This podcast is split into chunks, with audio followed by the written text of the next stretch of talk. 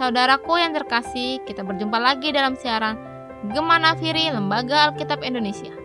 Kita akan merenungkan bersama firman Tuhan yang diambil dari Perjanjian Baru, surat 1 Timotius pasal 6 ayat 6 sampai 12. Demikian firman Tuhan. Memang ibadah itu kalau disertai rasa cukup memberi keuntungan besar. Sebab kita tidak membawa sesuatu apa ke dalam dunia dan kita pun tidak dapat membawa apa-apa keluar. Asal ada makanan dan pakaian, cukuplah. Tetapi mereka yang ingin kaya terjatuh ke dalam cobaan.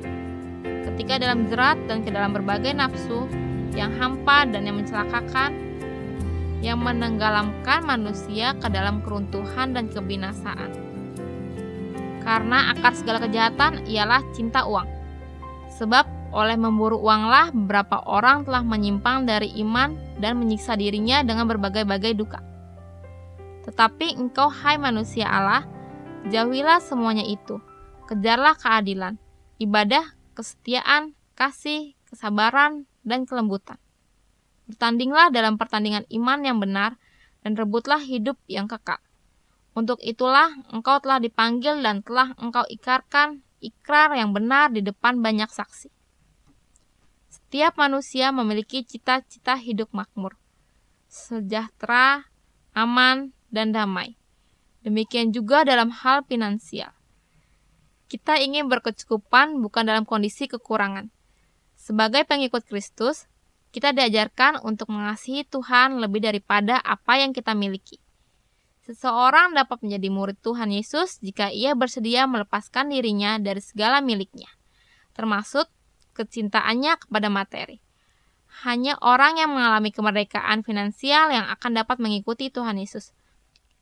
Kemerdekaan finansial bukan berarti kita tidak lagi memiliki masalah keuangan. Tetapi hal itu tidak lagi menjadi masalah utama. Sebab uang atau harta tidak lagi menjadi tujuan hidup kita. Uang tidak lagi menjadi sumber kebahagiaan kita, tidak lagi menjadi simbol citra diri dan perlindungan kita.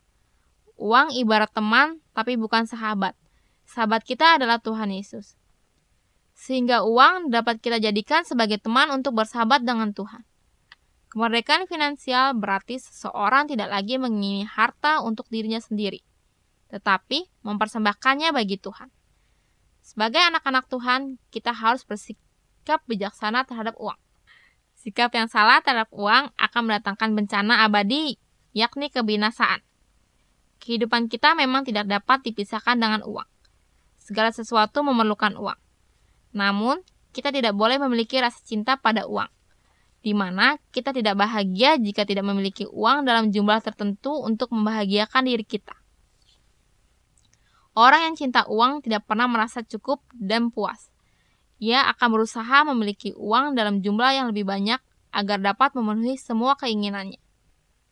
Fenomena yang terjadi belakangan ini, tindak kejahatan semakin marak dan motivasi utama kejahatan tersebut tidak lain adalah uang.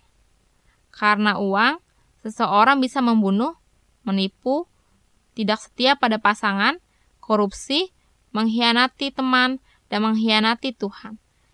Tren hidup yang merdeka secara finansial banyak digaungkan di masyarakat. Begitu banyak tulisan baik di website, koran, majalah, serta seminar di kampus, di kantor, atau di gereja yang membahas tentang hal ini. Kita diajarkan untuk bekerja lebih optimal di masa muda melalui usaha-usaha kreatif, penanaman modal, pembelian aset, sehingga di kemudian hari usaha atau aset kita tersebut dapat menjadi pendapatan pasif bagi kita tadi kemudian hari.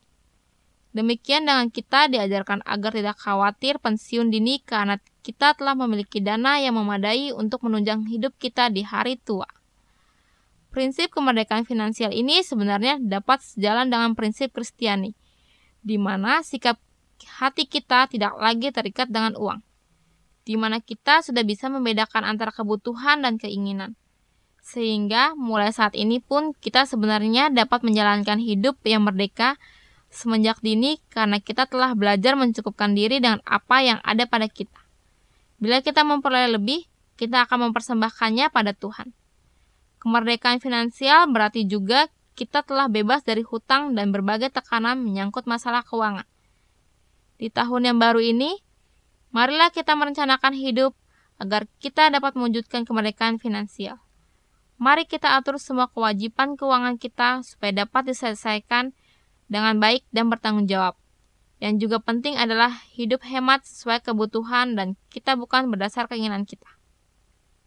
Masalah finansial juga berhubungan dengan kemampuan berhemat dan mengelola keuangan secara bertanggung jawab. Masalah keuangan juga berhubungan dengan masalah kesehatan.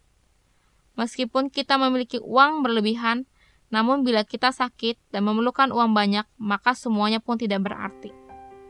Belajar dari teladan hidup Tuhan Yesus di dunia. Ia hidup senantiasa melayani Tuhan. Dan ia tidak khawatir akan apa yang ia makan atau pakai atau di mana ia tinggal. Tuhan Yesus memiliki iman yang kuat pada Allah Bapa yang memeliharanya. Ketika Tuhan Yesus haus, ada yang memberi ia minum. Ketika ia lapar, ada orang yang memberi makan. Dan ketika ia butuh tempat menginap, ada yang memberi tempat. Mari kita miliki iman seperti Tuhan Yesus yang percaya bahwa Allah Bapa akan mencukupkan keperluan kita tepat pada waktunya.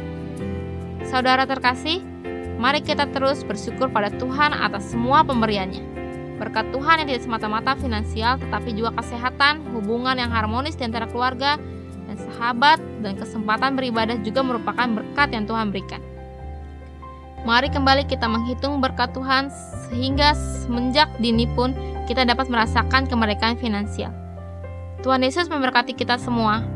Amin.